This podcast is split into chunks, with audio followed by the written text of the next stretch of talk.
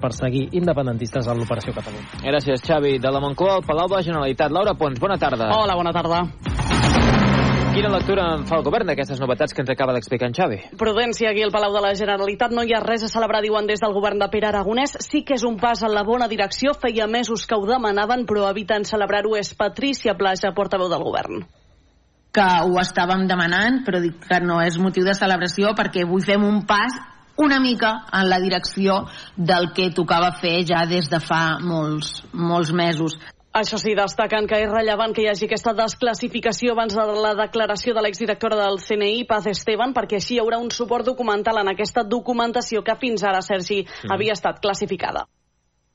Atenció, curs d'operador carretilla elevadora. Tipus de carretilla, frontal, apilador i transpalet elèctric. Possibilitat de fer també carretilla retràctil segons demanda. Preu per a particulars, carnet de carretilla frontal, apilador i transpaleta elèctrica, 150 euros. Carnet de carretilla frontal, retràctil, apilador i transpaleta elèctrica, 180 euros. Els treballadors tenen la possibilitat de bonificar el curs a Fundae per empreses. Informació a GCT Plus Consultoria Consultoria i formació. Telèfon 722 76 41 11.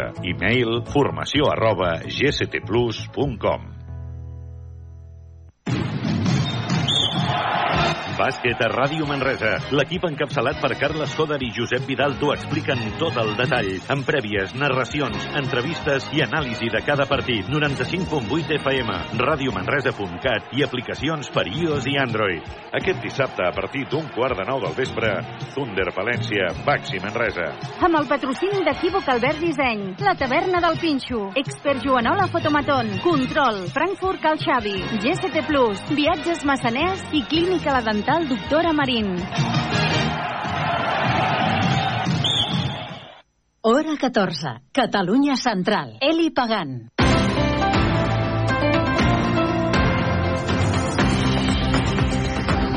Hola, què tal? Molt bon migdia. Passen 22 minuts a les dues, hora 14, cels ennuvolats, hores d'ara a la ciutat de Manresa, 11 graus de temperatura, uns cels encapotats que ens han d'acompanyar durant tota aquesta jornada de dimarts.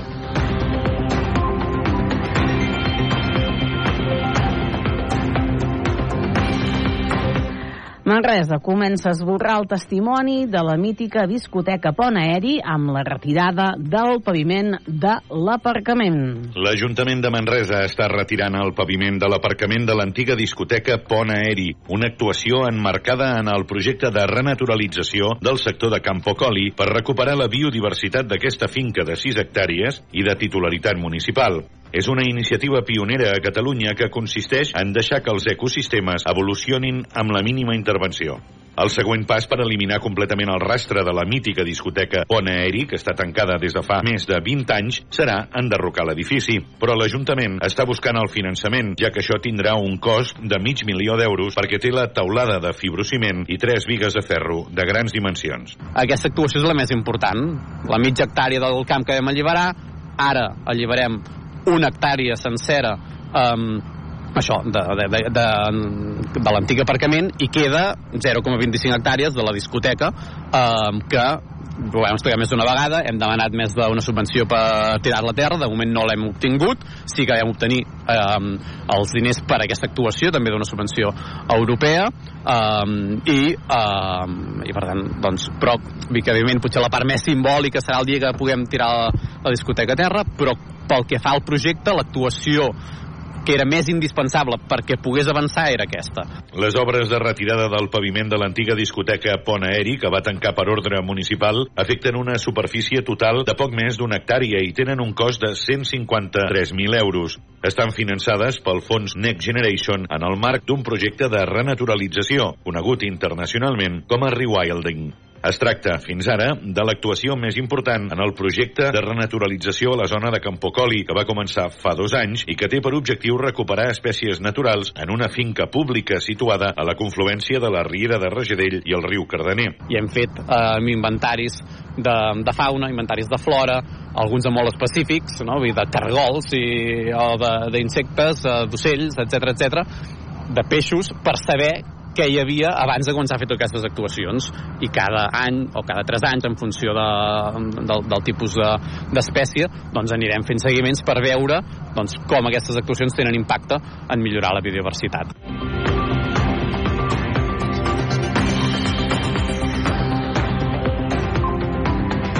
El govern ha aprovat impulsar la creació d'una oficina d'atenció ciutadana integrada a la Catalunya Central, on fins ara no n'hi havia hagut cap. En total, s'ha aprovat dotar l'oficina d'assistència en matèria de registre amb 11 places, tot i que no suposarà ni l'augment de plantilla ni de pressupost, ja que ha a compte de les places que transferiran dels diferents departaments. Una d'aquestes places serà de tècnic superior, dues d'administratiu i vuit llocs singulars d'informador o tramitador, concretament president Presidència transferirà dues places, Empresa i Treball i Educació, tres cadascun, i Drets Socials, Territori i Salut, una plaça cadascun. D'altra banda, els serveis d'atenció ciutadana en l'àmbit de les polítiques socials que fins ara es prestaven des de l'Oficina d'Afers Socials i Famílies de Manresa s'incorporaran a aquesta nova oficina adscrita a la delegació territorial del govern a la Catalunya Central. La parada és el nou equipament d'empans que tindrà també un restaurant. Ens ho explica en aquesta crònica la Tània Rodríguez. La nova residència d'empans al barri de la Parada de Manresa tindrà un nou restaurant gestionat per l'entitat. La nova instal·lació estarà ubicada en un solar de 5.000 metres quadrats, cedit per l'Ajuntament a la Fundació, situat entre el carrer de la Pau i el carrer del Camí Vell de Sant Padó. El president de l'entitat des de principis de desembre, el manresà Lluís Sánchez Seuba, va explicar al programa Barra Lliure de Canal Taronja com serien les noves instal·lacions de l'entitat a la parada. A la parada, allò hi haurà un altre restaurant i a més a més es daran eh, eh, es faran cursers d'hostaleria. S'ha restat cursers de... i llavors allà hi haurà ah. la planta baixa serà tot per tipus de, de cursers de tot tipus, vull dir... Uh. -huh. I les altres plantes eh, hi han dos mòduls de 24 persones cada mòdul, són 48 persones, llavors hi han 10 pisos de 12 persones, en total hi haurà 60 persones unes instal·lacions on Empans provarà un nou sistema de residència. En 10 de les habitacions, els usuaris podran conviure amb les seves famílies. Aquests 10 és una cosa que farem com a, com a prova que serà gent, algun que podrà viure amb la seva família. Uh -huh. També gent envellida, que passa ja que no pot estar uh -huh. usuari envellit, que els pares també són envellits i podrien estar allà amb ells. La parada serà un equipament multiserveis, innovador i ecoeficient, que donarà habitatge, formació i oportunitats laborals a persones amb discapacitat i en situació de vulnerabilitat.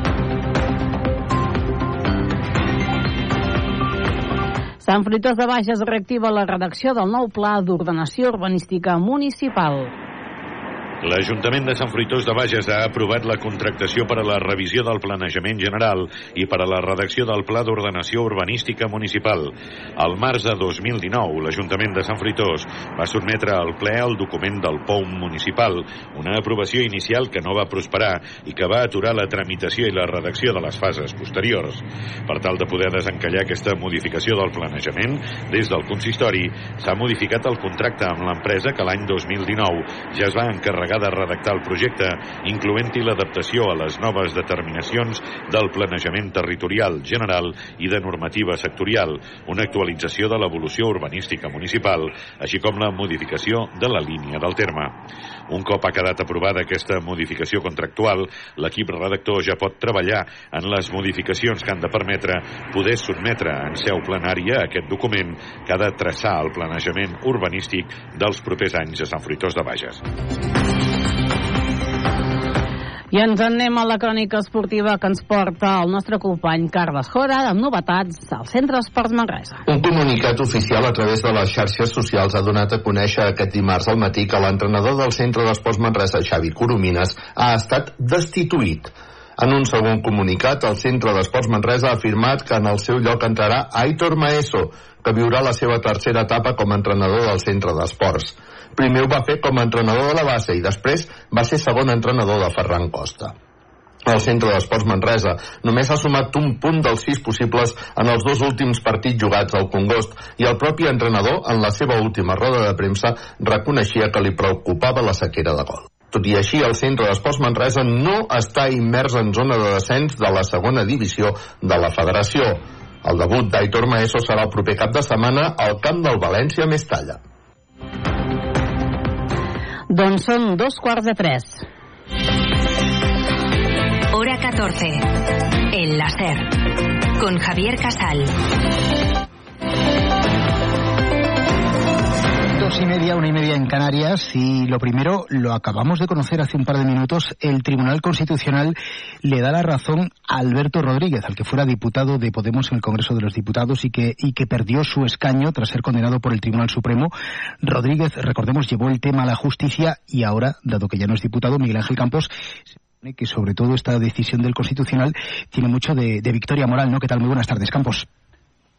Sí, así es, no va a poder realizarse de forma efectiva, es decir, no va a poder recuperar su escaño, pero sí que el Pleno del Constitucional corrige al Supremo, lo que supone un revés a aquella sentencia que supuso su inhabilitación y que tuviera que perder el escaño por la sentencia, el fallo, eh, al haber eh, golpeado a un policía por siete votos a cuatro, los de la mayoría progresista, dan la razón al exdiputado de Unidas Podemos. Hay un voto particular eh, concurrente